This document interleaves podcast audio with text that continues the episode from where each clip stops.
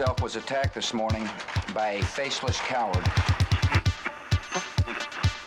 To have had the opportunity to serve the country I love.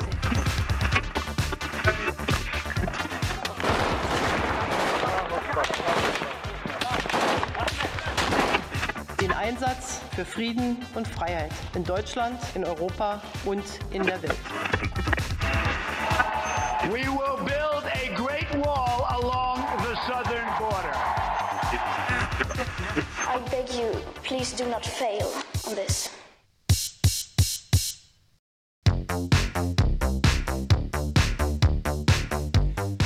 Góðan dag kæri hlustundur, þið eru að hlusta á heimskviður. Ég heiti Guðmundur Björn Þorbjörnsson.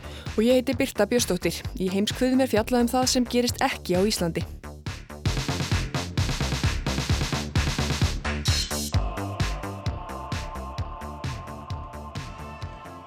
Þættinum í dag ætlum við meðal annars að fjalla um hérna dönsku Brittu Nílsen fyrir um starfsmann danska félagsmála ráðunitisins.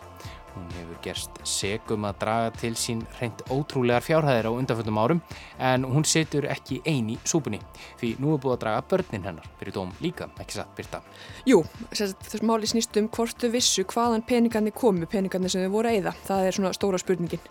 Og við heyrum meirum þetta eftir sem og nýjasta nýtt af stríðinu í Afganistan. Emitt, Bandaríkin og Talibanar undirritiðu sögulegt samkómalega undir lok síðasta mánadar sem miðra því að allt herlið Bandaríkina og NATO drægi sig úr landinu á næstu 14 mánuðum. Stríðið í Afganistan hefur staðið yfir í rúm 18 ár og því er þetta stór tíðindi en það er ekki allir að því að friður sé endilega í auksín. Og svo er það koronaviran, COVID-19. Fyrir tveimu vikum fjöldluðum við um COVID-19 faraldurinn sem þá var aðeins faraldur og gerðum að í skóna að það var aðeins tímaspursmál hvenar hann yrði að heimsfaraldri. Það varð raunin í þessari viku þegar alþjóða heilbyðismálastofnin lísti því yfir að faraldurinn væri orðin að heimsfaraldri. Og framvindan hefur verið hröð síðustu daga. Það veriðist reynd út sagt allt verið að ganga af göblónum. Það er ógerningur að taka saman allt sem er að gerast í þessu máli en það berast ný tíðindi á hverri mínútu nánast. En eigum við ekki reyna að fara yfir helstu atbörður ás síðustu daga allavega? Jú, ég held að það væri ekki vittlust. Og sem fyrr eru við að hugsa um stóra samengi hér, þetta alþjóðlega.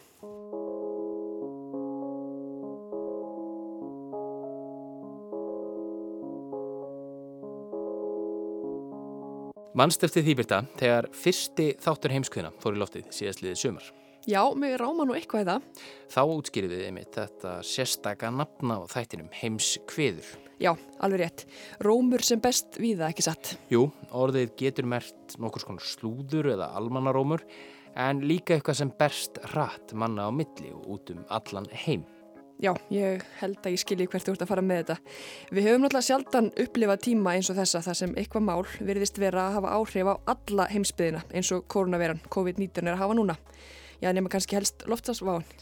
Jú, en það er einmitt einhver annar rómur í þessum fréttum af koronavirunni. Það er berast svo hratt, þetta er svo aðkallandi og já, berast svo hratt eins og veiran sjálf veriðist gera og, og það eru svo margar þessar fréttir og viðfemar. Já, það er sannlega af nægu að taka og hefur verið bísna súrælist eiginlega að standa fréttavaktir þegar það gerist eins og þú sagði ráðan, nýjar fréttir á hverja einustu mínútu um heimallan. En útbreysla COVID-19 hefur satt best að segja sett allt á annan endan. Í þessari yfirferð okkar hér áður en við höldum áfram með þáttinn, svona venju samkvæmt, þá ætlum við að einblýna á nokkrar af þeim efnaðslegu og samfélagslegu afleiðingum sem útbreysla verunar eru haft. Þú ætlum að skoða þau lönda sem að veiru smitt skjótanu upp kollinum í ríkara mælin áður, en við skulum byrja á þeim stórfréttum sem að Íslendingar vöknuðu við í gerðmorgun. After consulting with our top government health professionals, I have decided to take several strong but necessary actions to protect the health and well being of all Americans. To keep new cases from entering our shores, we will be suspending all travel from Europe to the United States for the next 30 days.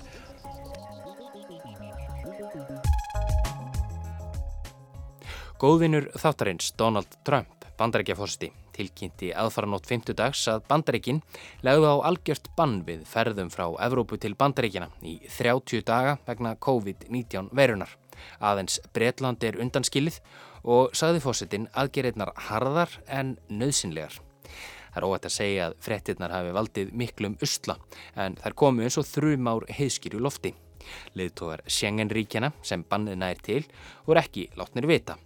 Úrsula von der Leyen, fórseti Frankvæðarstjórnar Evrópasambatsins og Charles Michel, fórseti leðtóðaráðsins, gaggríndu fórsetan harðlega í geðmorgun fyrir skort á samráði.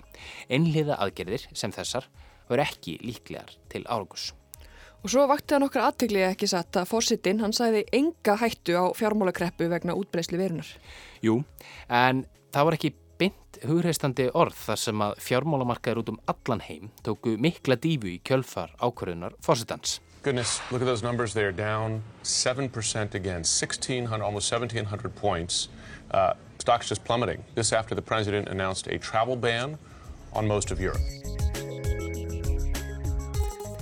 Dow Jones vísitalan og S&P lækkuð um 10%, Nasdaq um tæp 8% og viðskipti voru stöðuð í 15 mínútur í kaupellinni á Wall Street í New York í gerðmorgun. Í annað skiptið í þessari viku en það er gert þegar vísitalan fellur um 7% eða meira á einum degi. Þetta er versta dífan sem markaður í bandaríkunum hafa tekið í rúmlega 30 ár. Og sömu sögur af segja mörgum í Evrópu en gerðdagurinn var eitt sá svartast í manna minnum. Það er þó ekki engungu vegna ákvörunar Trumps og hún hjálpaði vissuleg ekki til en fjölmörg ríki í Evrópu eru nú einmitt að glíma við efnahagslegar afleðingar af þessum heims faraldri. Stórir hlutar þessara samfélaga liggja niðrið er mikið álag á heilbriðiskerfinu, fólk kemst ekki í vinnuna og svo framvegis og Evróski Sælabankin greip til svo kallara örfunar aðgerða í gerð sem felast í því að opna á lánveitingar til banka á hagstæðum kjörum. We decided to conduct temporarily additional longer term refinancing operations, also known by you as LTROs. Harna heyrði við Kristín Lagarde, bankastjóra Európska Sæðlabankans. Það er því ljóst að skóin kreppir í kjölfar þess að fleiri og fleiri smitt greinast á hverjum degi út um heim allan. En áhyggjurnar eru þetta ekki aðeins efnahagsleis eðlis, eins og Boris Johnson, fósettis ráð þeirra Breitlands, kom inn á í gerð. I must level with you, level with the, the British public. Um, more families, uh, many more families, are going to lose loved ones before their time. Hér talar Johnson, tæpitungu löst á bladamannafundi í gæri eftir neyðarfund ríkistjórnarinnar. Ég verð reynskilin við ykkur, sagði hann, fólk mun missa ástvinni sína. Þetta eru þungorð frá fósittisráðranum en þau er eflust rétt á sér en það greindi hann frá því að það er talið að minnstakosti 10.000 manns séu síktir af koronavirun í Breitlandi þótt rétt um 600 hafi greinst með hana. Og þetta er sagan út um allan heim. Birta, þú hefur fylst með þróunmála á Ítalju, ekki satt þar sem útbreysla verunar í Evrópum hefur verið hvað hröðust. Já, fyrir utan Kína hafa nú lang flest smit á heimsvísu greinst á Ítalju. Íran og Suðu Kóri eru enn með mjög mörg smitt en fjöldi smitt á Ítalíu hefur einfallega blásið upp úr öllu valdi. Þau eru núna á 16.000, svo tala, kannski það er ekki mikið að marka verið að segja ykkur á tölur í þessu sammengi, þær eru þetta síbreytilegar. En stjórnvöld á Ítalíu hafa auðvitað gripið til mjög harkalega aðgerða og nú er eiginlega allt landið í sóttkvím að segja. Það er eiginlega algjört útgöngubanni gildi á öllu landinu. Það er bara einn úr hverju fjölskyldu sem á að fara og sækja nöðsynavörur í búðum og apotekum en annars er fólk bara heima og það er eiginlega magnað að sjá fréttamindir þaðan veist, af þessum þekktu og fjölsóttu ferðamannastöðum sem standa bara auðir borgin eins og Flórens og Fenegar og Róm þetta er eins og svona kapli úr bókinum Palla sem var einn í heiminum nema þarna er ekki einu svona neitt palli Þarna mæður auðvitað mest á spítölunum og það er það sem að viðbúnaður allra stjórnvalda, ekki bara Ítalju heldur um heima allan, hefur einhvern veginn snúist um að reyna að stýra faraldinu þannig að það sé hægt að annast þau sem að þurfi að leggjast inn á sjúkrás. Í kvöldfréttum okkar í sjónvarpi í gær þá töluðum við Þóru Arnósdóttur, okkar gamlu samstarskonu, sem er ein íbúa á Ítalíu sem hangir heima. Hún býr í bænum Bra á norður Ítalíu og hún sagði okkur frá ástandinu á spítölunum í nákvæmni.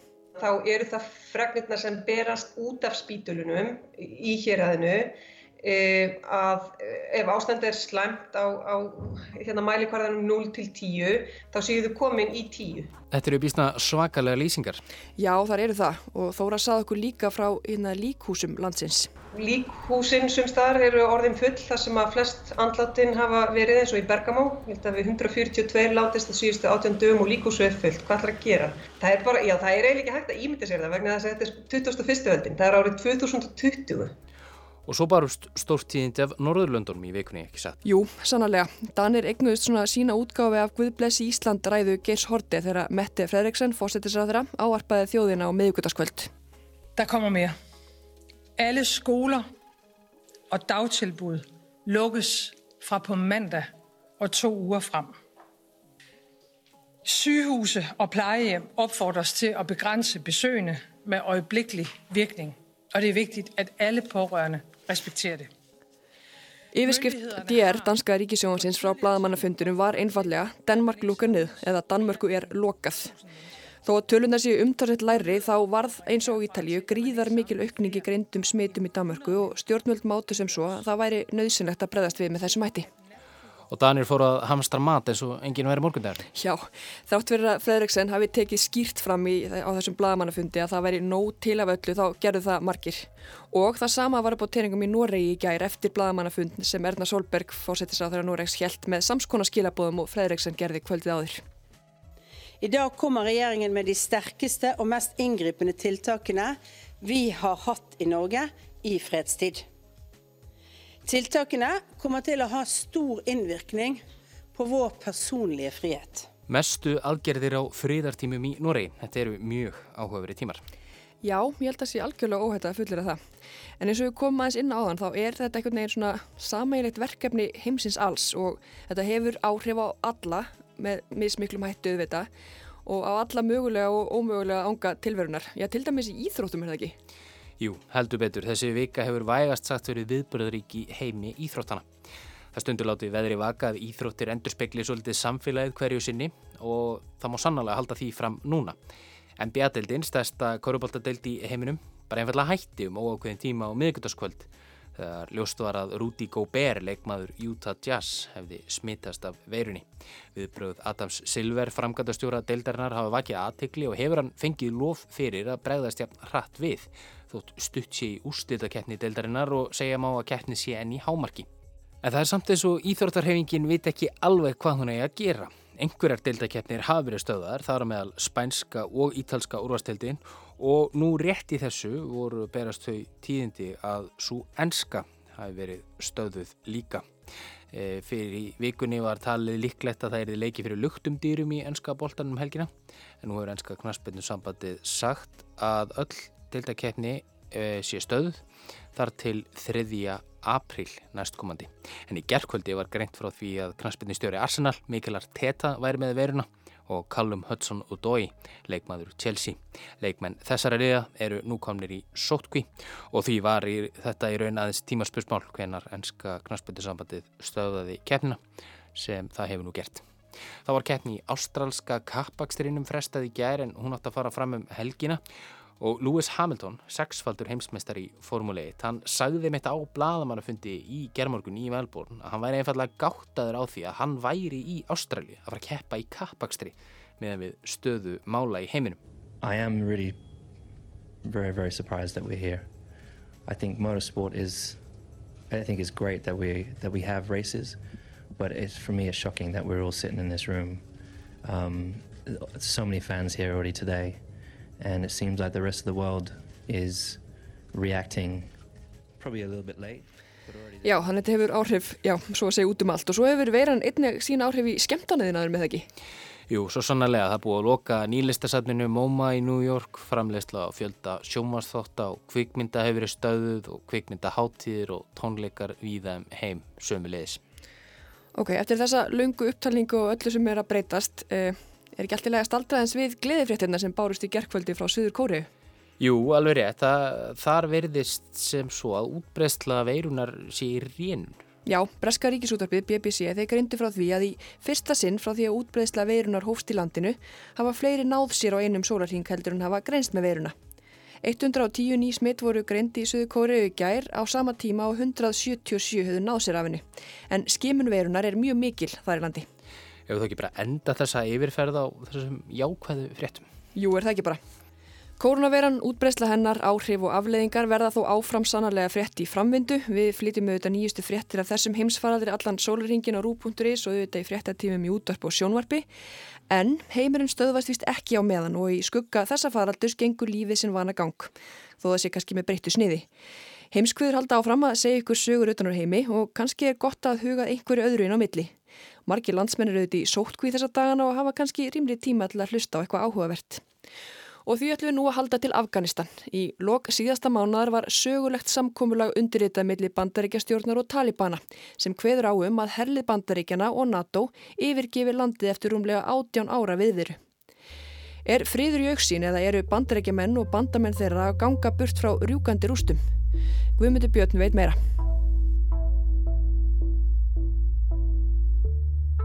Í kringum aldamótin síðustu myndu aðstæður í Afganistanum margt á hryllingsmynd.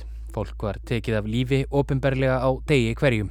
Konum var meinað að sjást ofinberlega og þær máttu ekki ganga í skóla. Karlmenn þurftu að skarta síðu skeggi, sjónvarp var bannað og tónlist sömulegis. Að fara í bíó, glemdu því. Svona var lífið í íslamska fyrstadæminu Afganistan sem var þó skamlíft og varði aðeins frá 1996 til 2001. Afganistan var á þessum tíma stjórnað af talibönum, bókstafstrúarmönnum úr röðum sunnimuslima. Þeir tröðkuð á mannréttindum Afgana en var einnig gefið að sög að hafa gert Afganistan að skálkaskjóli hriðiverkasamtaka og það var fyrst og fremst ástæðan fyrir því að talibönum var steift af stóli í innrás bandaríkihers haustið 2001. En talibanar fór ekki langt og nú er svo komið að þeir veriðast sterkar en þeir hafa nokkur tíman verið á þessari öld og bandarækjaherr sem hefur staðið í átökum við Talibana í linnilausu stríði í landinu undanfærin 18 ár er á leiðinu burt.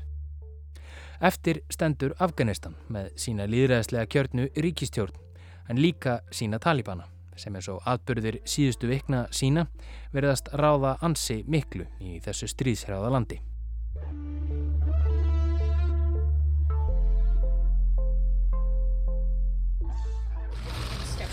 Í lok síðasta mánadar var sögulegt samkómalag undirritað í Doha í Katar. Við borðið sátu fulltrúar bandarækistjórnar annars vegar og talibana hins vegar.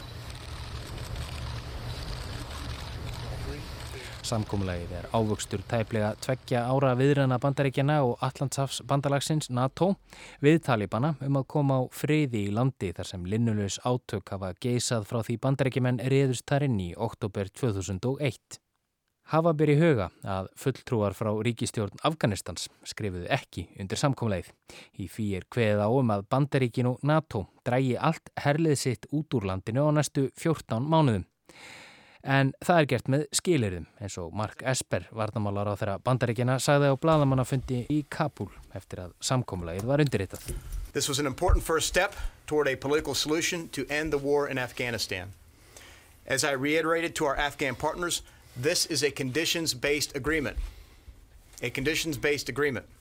We're watching the Taliban's actions closely to assess whether they are upholding their commitments. Stórt skref hefur verið stíið í áttað friði í Afganistan, sagði Esper, en bætti því við að samkómulegið væri skilirðum háð. Talibanar verði að standa við sinn hluta samningsins.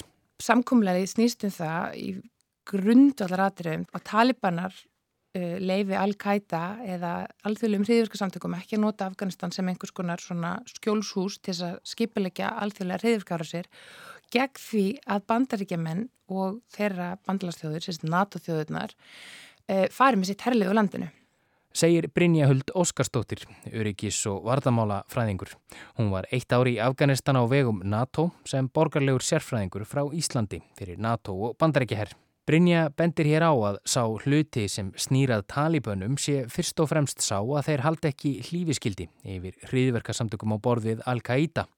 Auk þess eiga talibanar að hætta öllum meiriháttar árósum í landinu en það er alls ekki víst að það gerist þó svo að undir samkómlag þess efnis hefur verið skrifað. Það sem þarf að hafa í huga þar er að talibanið er ekki fullkomlega miðstýrt batteri að þó svo það sé búið að skrifundur eitthvað samninga innum milli talibanina og bandaríkjana þá er ekki þar með sagt að öllu ofbeldi linni 1 fyrir 10 og það er alveg svona tilgreint í þessu, þessu samkómulagi á milli stríðandi fylkinga hvers konar árásur eru of mikið. Undir þau orð tók Mark Milley, hersöðingi bandarækjamanna í Afganistan. Ekki hrósa happi of snemma, saði hann, en er langur vegur framundan. I would caution everybody to, to uh, think that there's going to be an absolute cessation of violence in Afghanistan. That is probably not going to happen. It's probably not going to go to zero. Standi talibanar við þetta halda hermenn bandaríkina og NATO á brott og þar með er endir bundin á þessi næri tveggja áratuga átök. Einfalt mál, ekki satt. Það er þó ekki alveg svo. Það er margt skrítið í kýrhausnum, segir máltækið og þetta samkomlag veriðust við fyrstu sín nokkuð sérstakt. Það sem í Afganistan er jú líðræðislega kjörin ríkistjórn, ríkistjórn sem kom ekki að samkomlaginu í Doha.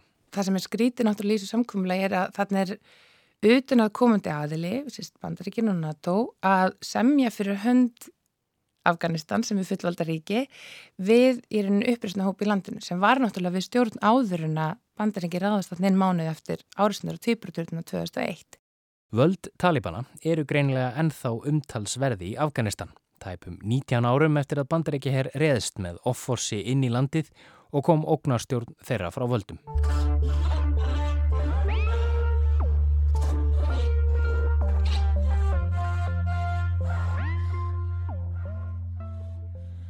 Taliban merkir í raun nefandi eða nefendur á Pastó, tungumáli sem talað er í söður hluta Afganistans.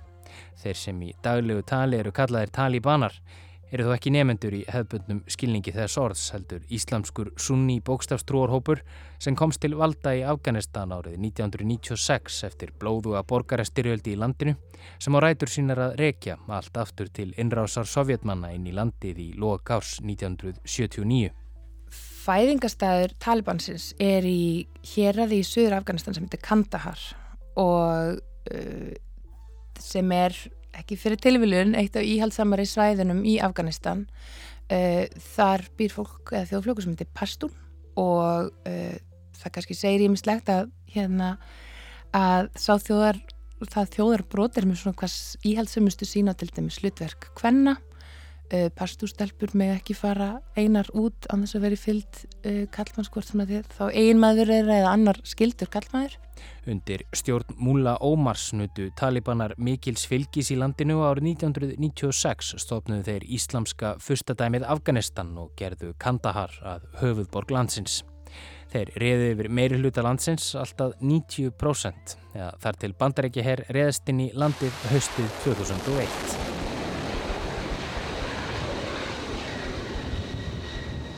Á fimm ára valdatíð sinni komu þeir á sangkallaðri ógnarstjórnutir sjarjalögum og eins og fyrr segir voru ofinberrar aftökur og limlestingar daglegt brauð, tróðið var á réttindum kvenna og fólki gert að lifa eftir harðlínu bókstafstúlkun á kóraninum. En það var þó ekki ástæðan fyrir því að bandaríkin reðust inn í landið. Ó nei, svo afdrefaríka ákvörðun er bein afleðing árásarinnar á tvíburaturnana í New York þann 11. september sama ár.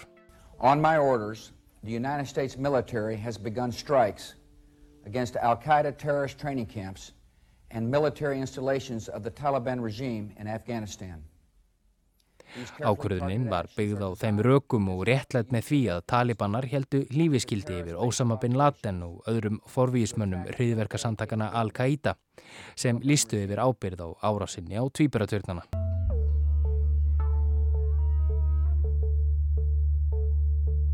Í desember 2001 var Hamid Karzai skipaður yfir bráðabyrðastjórn Afganistans. Hann var svo kosin fórseti landsins í líðræðslegum kostningum árið 2004. Við fyrstu sín virtist sem bandrækjumannum hefði tekist að kottvarpa talibanum en helstu leðtúar þeirra, meðal annars Múla Ómar, náðu þó að komast undan og þrátt fyrir herlið bandaríkjana og NATO í landinu náðu talibanar að styrkja sig að nýju og hafa allt frá því bandaríkjumenn réðust inn í landið staðið í stríði við hermenn bandaríkjana og NATO-ríkjana og afganska herin. Allt frá árinu 2006 hafa ítök talibana í landinu aukist og ofbeldið og stríðsátökin sömu leiðis. Þegar bandaríkja herr reið Osama bin Laden af dögum í Abbottabad í Pakistan í mæ 2011 breytti það litlu um stöðum mála í Afganistan. Talið er að yfir 70.000 hermen og verktakar á vegum bandaríkja hers NATO og að mestuleiti afganska hersins hafi látið lífið í stríðinu. Svipað mannfallir hjá talibönum og þá liggja tæplega 40.000 almennir borgarar í valnum.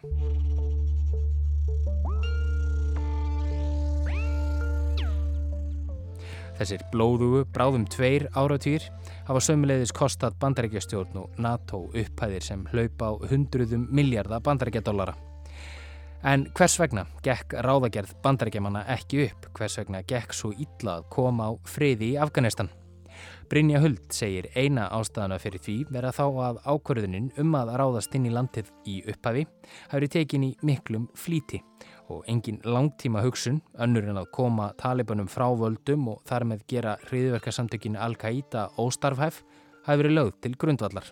Og það var í rauninni ekki neitt kannski plan og hérna það er alveg oft talað um að, að þó svo þetta sé sko stríð sem búið að endast í 18-19 ár, þá er þetta mörg einsár stríð eða mörg hálsár stríð af því það er alltaf verið að breyta um stefnu, hvort sem það séu bandaríkin eða NATO og það hefur verið skipt um yfirmenn, það hefur verið skipt um fórsett í bandaríkunum, það hefur verið skipt um framkvæmdastjórn NATO og það er kannski, það var ekki beint neini skýr stefna þegar það var farið inn í landið og þá náttúrulega gerir það að verkum að, að, hérna, að það er alltaf verið að sveia svolítið af leið.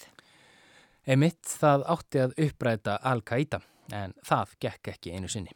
Samtökin lifa enn góðu lífi, hvort sem þau kunna vera starfrækt frá Afganistan eða ekki. Og þrátt fyrir að hafa haldið afgönsku þjóðin í heljar greipum í hartnar fimm árundir lok síðustu aldar og í upphafi þeirrar 2001. Verðast talibanar eiga sínu fylgi að fagna í landinu. Fyrir því eru ymsar ástæður. Það er gífileg fátakt í Afganistan. Landið er strjálbílt. Það er sko margir sem búa að landsbyrni líti ekkit endilega okkur að ríkisvörn í Kabul sem eitthvað yfirvald yfir sér. Veist það er mikið af fólki sem býr bara í sára fátækt og býr þetta eru bændur og þetta er kannski fólk sem að lifir allt, allt öðru lífi heldur til dæmis þeir sem búa í Kabul eh, þannig að það er mikið svona gjámiðli höfuborgar og landsbyðar eh, Talibanarnir eru talfst sterkari út á landi heldur en í Kabul bara, bara hafa ekki gefist upp. Þeir eru með fullta fólki sem að gengur til þess við þá einmitt kannski sumur hugum, út af hugmyndafræðilegum ástæðum sumur út af fátækt eða öðru. Og svo líka bara svona út frá svona alþjóðstjórnmálum og, og svona stríðs átakafræðis pælingum þá er í rauninni bæði í Afganistan og í Írak það er ekkert sem að þjappar heimufólki saman eins og ykkur erlendur aðili eða útlendingur en að gesalappa sem kemur og ræðist inn að segja hvernig þú átt að gera hlutina Þá segir Brynja að vanþekking bandaríkina á afgönsku samfélagi og sögu landsins hafi komið í bakið á þeim. Þau hafi ætlað sér að losa sig við óvinn en ekki gert sér grein fyrir því að þau sjálf getur verið óvinnurinn í augum fólksins. Talibanin er einhvern veginn nýta sér það og byggja mjög mikla af sinni hugmyndur af því bara að losa sig við hennan erlenda óvinn og þetta það sem þeir kalla infidel. Segja má því með sanni að innrásin í Afganistan hafi mistekist hrapalega. Stríðið í landinu er það lengsta í sögu bandaríkina. En nú er því lokið. Eða hvað? Víkur þá sögunni aftur að samkómalæginu sögulega sem var undirrautað í Doha undir lok síðasta mánadar. Sem fyrir segir komu afgönsk stjórnvöld ekki að undirritun samkómalagsins. Heldur sérstakur erindireiki bandarækjana í málefnum Afganistans, Salmai Khalil Saad og samningamæður Talibana, Mullah Abdul Ghani Baradar. Mike Pompeo, auðtærikiðsaráþara bandarækjana, fylgist með. Þegar samkómulagið hafði loks verið undirritað, lísti Mark Esper, varnamálar á þeirra bandaríkjana, því yfir að nú væri fyrsta skrefið í átt til friðar tekið. Við hlið hans stóð Ashraf Ghani, fósetti landsins. Ghani tók undir orð Espers og bætti því við að afganska ríkistjórnin væri nú tilbúin til þess að fara í samninga viðræður við Talibana. Það er nefnilega svo að nú þurfa Talibanar og afgansk stjórnvöld að setjast niður og ræða framhaldið. Í samningi Talibana og bandarækjastjórnar var hveð á um að afgansk stjórnvöld letu lausa 5.000 Talibana sem eru nú í haldi í fangelsum vísvegarum landið. Í staðin láti talibanar um þúsund afganska hermenn lausa á móti. Ghani Fawcetti var heldur betur ekki á því í upphæfi. Og Ghani, þegar hann fær veður á því, þá segir hann, sérst Ghani Fawcetti Afganistan, segir náttúrulega bara, heyrðu nei, ég tek ekki þátt í þessu, ég ætla ekki að sleppa allir þessum fengum. Uh, ég, ég samþekti það aldrei. Og þá svoðu talibanar á móti, það verður ekkert samkómulag.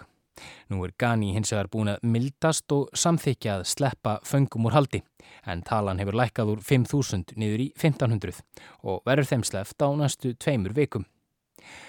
Það er því eitthvað skrið komið á samtal afganskra stjórnvalda á Talibana en hafa verið í huga að í augum Talibana eru afgansk stjórnvöld ekkert annað en leppstjórn fyrir bandaríkin og til að bæta gráu ofan á svart fyrir afgönsku ríkistjórnina þá er auk þess meiri háttar stjórnarkreppa í landinu.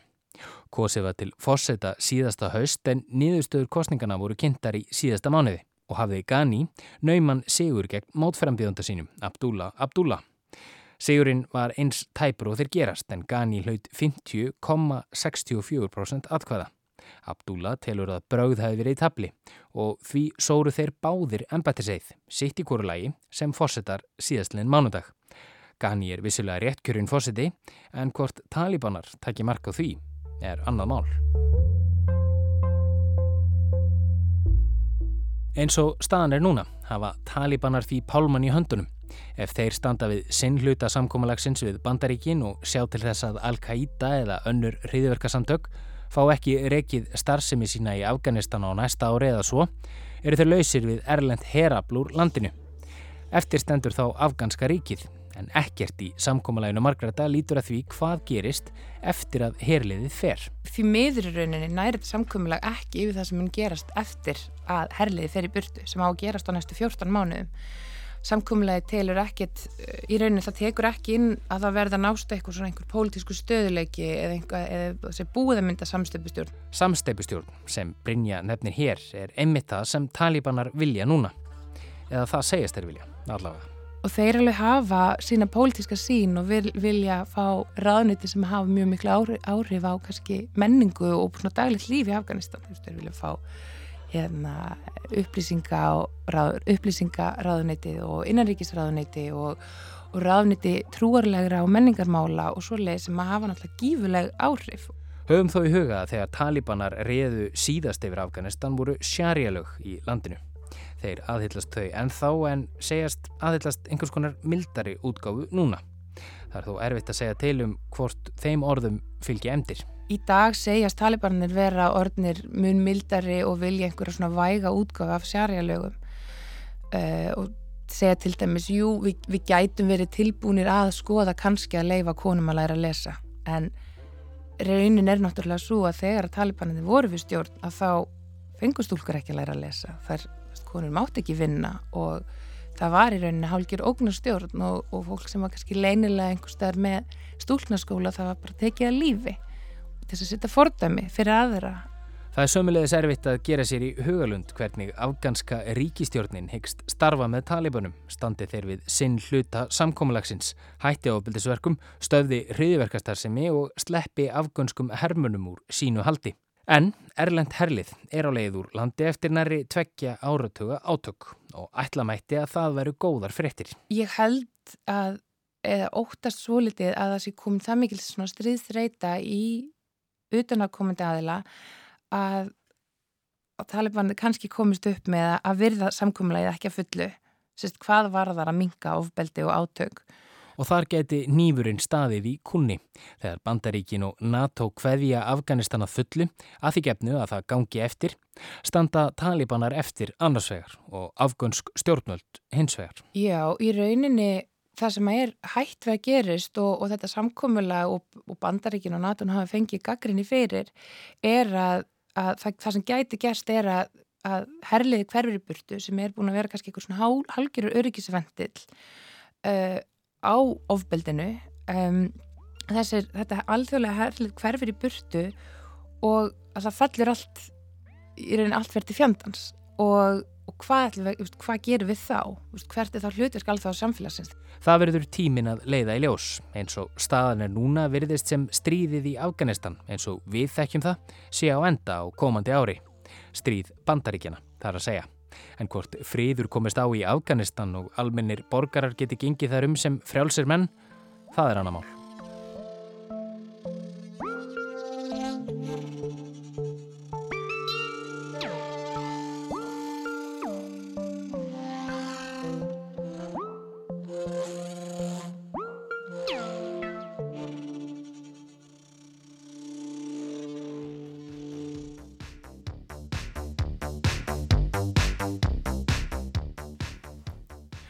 Og frá Afganistan höldu við til Danmörkur.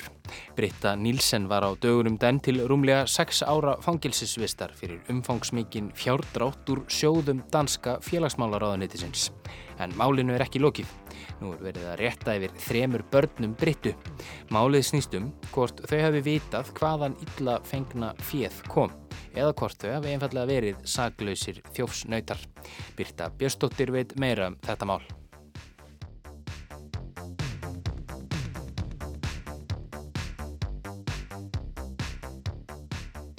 Hvernig uppeldi fjækstu? Ef eitthvað bjátaði á hjálpuðu fúröldra mínu mér. Mamma sá um okkur. Hún var alltaf til í að skuttla okkur að sækja, samar hvenar sólarringsins. Sögðu fúröldra þínir þér eitthvað tíman hvað þau voru með í laun? Nei, aldrei. Heyrður eitthvað tíman rifrildi um peninga heima hjá þér? Nei, aldrei. Þegar þau rifust var það vegna menningarlegs ágreinings. Það snýrst aldrei um peninga. Þessi samskipti fóru fram í réttarsal í Danmörku í síðustu viku. Þetta voru hins vegar ekki réttarhöldi í forræðismáli, heldur heiti konan sem svaraði spurningum ákjæruvaldsins Samína Hayat. Samína og sískinni hennar tvö, Jamila og Jimmy, eru nú fyrir dómi, ákjærð fyrir eiga hlutdeldað umfangsmiklum fjársvikum móður sinnar. Fjársvikum sem eiga sér enga hliðstæðu í danskri sögu, allaveg ekki svo vitað sé. Málið snýst um illa fengna fjöð sem börni nýttu. Meira en 50 miljónir danskra króna samanlagt sem er um miljardur íslenska króna. Móðurinn heitir Anna Britta Trollskort Nílsen en gengur í dönsku miðlum alla jafna undir nafnu Britta Nílsen. Þið hafi kannski fylst med mål, en vi skulle samt aðeins revie upp um hvað það snýst. En 64-årig kvindelig medarbejder i Socialstyrelsen er mistænkt for at have tilegnet sig mindst 110 millioner offentlige kroner. Penge, som egentlig skulle gå til samfundets svageste. En meget stor del af, den her, øh, af de her 100 millioner, de er brugt til rejser, til vin, til hestekøb. Í oktober árið 2018 bárust fyrst fréttir af því hér á landi að dönsk kona hefði verið handtekinn í Suður Afríku grunuðum fjársvigg. Í fyrstu fréttum að málunu kom fram að konun hefði verið úrskurðu gjaldfróta fyrir sama mánuði. Hún hefði verið eftirlýst af yfirvöldum og flúið land. Mörg spertu eirun þegar upphæðina voru nefndar. Konan var sökuð um að hafa dreyið sér til minsta 111 miljónir danska króna úr ofinberum sjóðum. Það eru um 2 miljardar íslenska króna.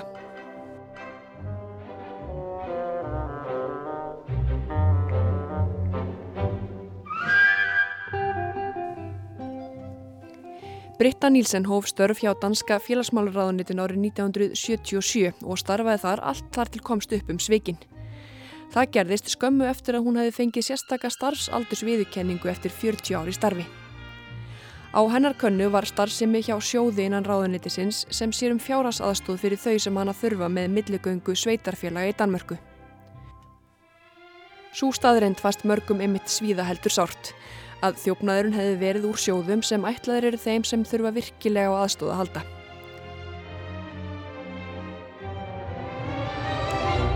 Fyrst komst upp um svik hins digga starfsmanns þegar bókhaldari hjá bæjarstjórn Hróaskeldu í Danmörku gerði aðtugasemdir við færslur sem tengdust danska félagsmálraðanætinu. Það var höstu 2017. Fljótlega kom í ljós að það voru ekki bara þessar tilteknu færslur sem stemdu ekki við fjárhás áallinni ráðanætisins. Í ljós komu reglulegar millifæslur úr títnemdum sjóðum inn á rekninga Brittu Nílsen. Handtökuskipin var gefin út á hendur Nílsen í lok september árið 2018 og hún var handtekinn eftir sex vikur á flótta í Söður Afríku. Den 30. september 2018, der blev Britta Nielsen øh, internationalt efterlyst på den arrestordre, som vi også har set dokumenteret i retten. Der stod, at hun skulle anholdes på baggrund af en mistanke om svindel. Britta Nielsen er ekki bara einhver umfangsmesti fjársvikari í sögu Danmerkur, heldur einnig sá þrautsegasti. Fjárdrátturinn úr sjóðum almenning stóði yfir í einn 25 ár. Hún var á endanum dæmt í 6,5 árs fangilsi. Því kendes for ret tiltalte Anna Britta Troskov Nielsen straffes med fængsel i 6 år og 6 måneder. Ja, I dag faldt dommen så i sagen mod Britta Nielsen. Lige siden hun blev anholdt i Sydafrika, har hendes svindel for 117 millioner kroner fyldt kolossalt meget, og i dag koster det altså en dom på 6,5 års fængsel. Málið hefur vakið gríðarmikla aðtikli í Danmörku, í landi sem státa sig af jöfnuði. Þar greiðir fólk háa skatta en færi staðin að búa í velferðarsamfélagi sem sér um sína. Að samborgari hafi rænt tveimur miljörðum íslenska króna úr þeirra sameigilegu sjóðum til að splæsa í veðhlaupahesta og annan luxusvarning þykir ekki bara siðlaust, heldur velta mörg fyrir sig hvernig ósköpunum svona hafi geta gerst. Það sé ekki bara við hérna fingralöngu Brittu Nílsen að sagast heldur eftirlitstofnanir sem virðast hafa steinsofið á verðinu.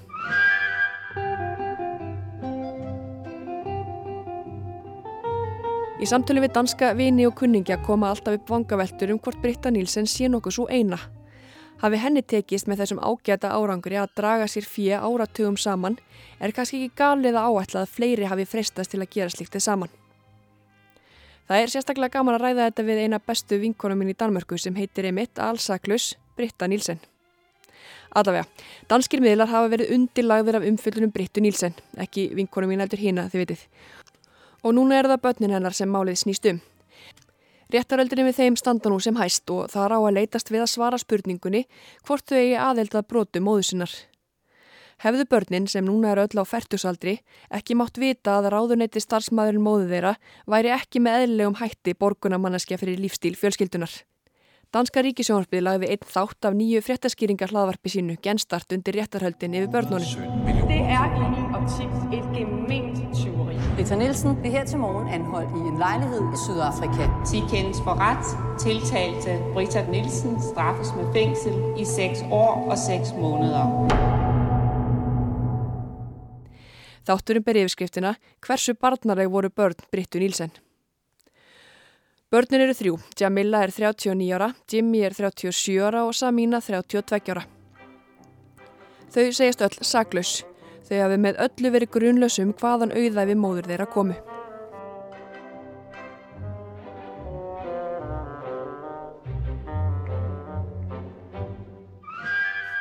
Réttaröldin yfir börnunum eru ekki óumdelt. Ekki er talið að negin óeikjandi gögn sanni að börn Brittu hafi vitað hvaðan peningarnir komu að þeir hafi verið fengnir með öðrum hætti en að mæta bara til vinnu og sinna sínum störfum réttu megin við lögin. Í dönskum lögum eru hins vegar ákvæði sem heimila að einstaklingur sé sóttu til saka fyrir að vera þjófsnautur. Sannist að honum hefði mátt vera ljóst á aðstæðum að peningarnir sem notaðir voru hafi ekki geta verið fengnir öðruvísi en með ólögmætum hætti. Og nú er réttað yfir þeim öllum og það kennir ímis að grasa í réttarhöldunum. Sumt sem þar kemur fram er næsta reyfarakent. Þannig voru sýsturnar tvær í vikunni spurðar fyrir dómi út í viðkomi í bankahólfi móðu sinnar. Það var þann 24. september 2018 um nákvæmlega sama leiti og móður þeirra stakka af til Suður Afríku og varð eftirlýst af dönskum stjórnvöldum. Hvað voru þær sýstur að vilja þetta bankahólf og hvað var þar að finna?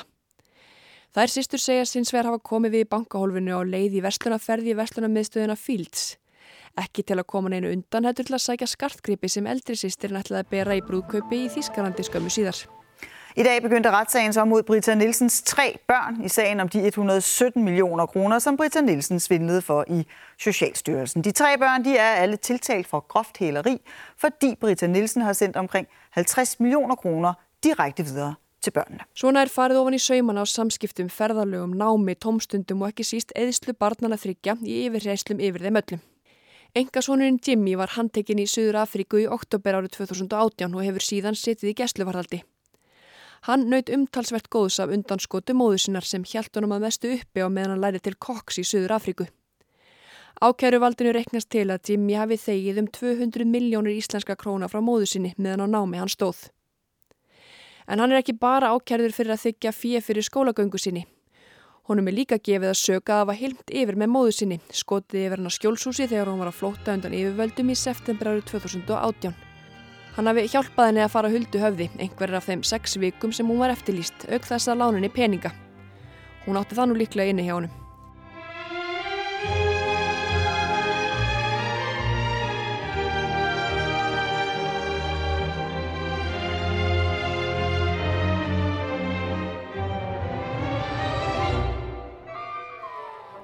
Jimmy var handtekinn skömmu og undan móðu sinni í Suður Afríku og hefur setið í gæsluvaraldi síðan því löggæslu yfirvöld töldu líklegt að hann myndi reynað að flýja. Málaferlinn gegn Jimmy undur endar talsveit upp á sig. Jimmy er nefnilega einnig ákjærður fyrir vörslu barnakláms sem fannst í tölvans þegar hann var handtekinn þarna í fyrra haust í Suður Afríku. Flestum þykir það líklega heldur rausnarlegur námstyrkur, 200 miljónirnar sem Jimmy fekk frá móðu sinni til að læra að verða matæslumadur. Það eru þó umtalsvert rausnalegri upphæðina sem sýstir hans Samína fekk frá móðu sinni til að sinna sínum hugarefnum. Nánatiltekið meira en 740 miljónir íslenska króna. En þær Samína og móður hennar Britta deildu líka áhuga máli sem er kannski ekki alveg ókipis. Samína er 32 og segir að þær móðurinnar hafi deilt áhuga á herstum. Mikill hluti peningana var millifærður og reikninga Samínu í Þískalandi og Hollandi til að standa ströym af kostnaði af fyrirtækjum sem dótturinn rak sem snýruða mestu að hrossakaupum. En það voru útgjöld tengt hestamennskurinn nokkuð sem kom talsvertið söguð í réttarhöldunum yfir Samínu. Altså, jeg har aldrig rigtig stået for betalinger eller stået med regningerne. Eller... Der har min koncentration været meget omkring min sport og min, og min ridning og mine heste. Og det kan godt være, at man har gået rundt i en eller anden boble. Viðtalið við Samínu sem við heyrum þarna úr er úr fréttaskýringaþættunum Kriminelt sem var helgaður börnum Brittu. Hún bjó í Þískalandi í nokkur ár og sindi hestamennsku, fluttu svo til Hollands.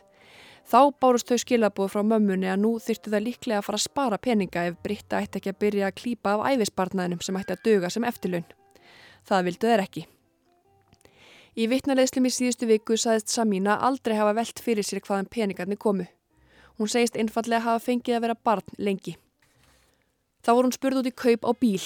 Mammenar vildi kaupa handin í bíl svo hún fengi að nota sinn sjálf. Fyrir valinu var þengin skrjóður heldur splæstu þær maður í Audi RS5 sem kostar á 14 miljón íslenska króna.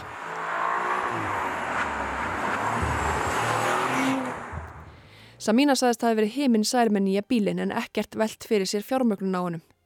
Það hefði mammenar séðum eins og allt sem við kom fjármálum heimilisins. Þau svör dótturinnar eru í takt við vittninsbur sískirna fyrir dómi. Þau hafi sannarlega notið góðsa fjárdrætti móðusinnar en enga hugmynd haft um að fjöð væri illa fengið. Þau hafi lengst af staðið þeirri trú að peningarnir væru arfur sem fadir þeirra hafi fengið eftir fjölskyldu sína. Enda breyttust neysluhættirnir til muna eftir að fadirinn fjall frá.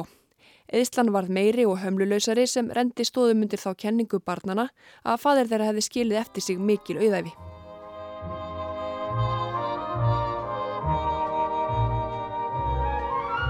Fadir barnana og eigin maður Brittu kom talsvert við sögu í réttarhaldunum yfir eiginkonunni og nú börnunum.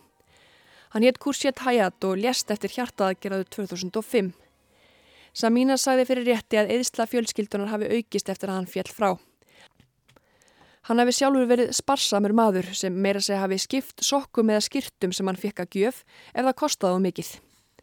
Menningarlegi ágreiningurinn sem minnst var á í upphafi pistilsinn sem þrætu epli þeirra hjóna skýrist að því að Hayat var frá Pakistan, uppalinn við muslimska siði og þau hjónin ekki alltaf samstíga í áherslum í hennu daglega amstri. Britta Nílsen greindi frá því í sínum réttarhöldum að hún og eigin maður hennar heitin hefðu keft sér allt of dýrt hús til að hún geti hugsað um veika fóreldar sína. Þau hefðu ekki haft mikið á milli handana til að byrja með og síðan átt í erfileikum með að standa í skilum. Það hefði verið þá sem hún hefði farið að draga sér fjö. Hún hefði einfallega fallið fyrir freystingunni.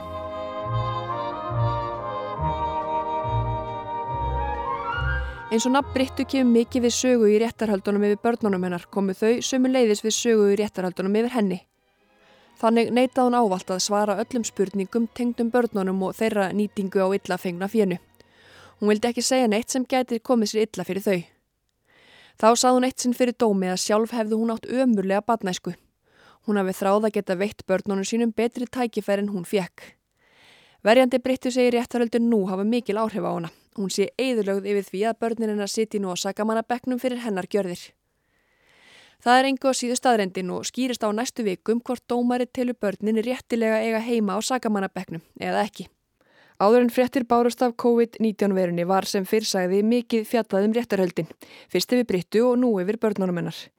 Búist var við að dómur myndi falla í máli barnana undir lok marsmánaðar. En það var auðvitað áður en COVID-19 veran tók yfir allt.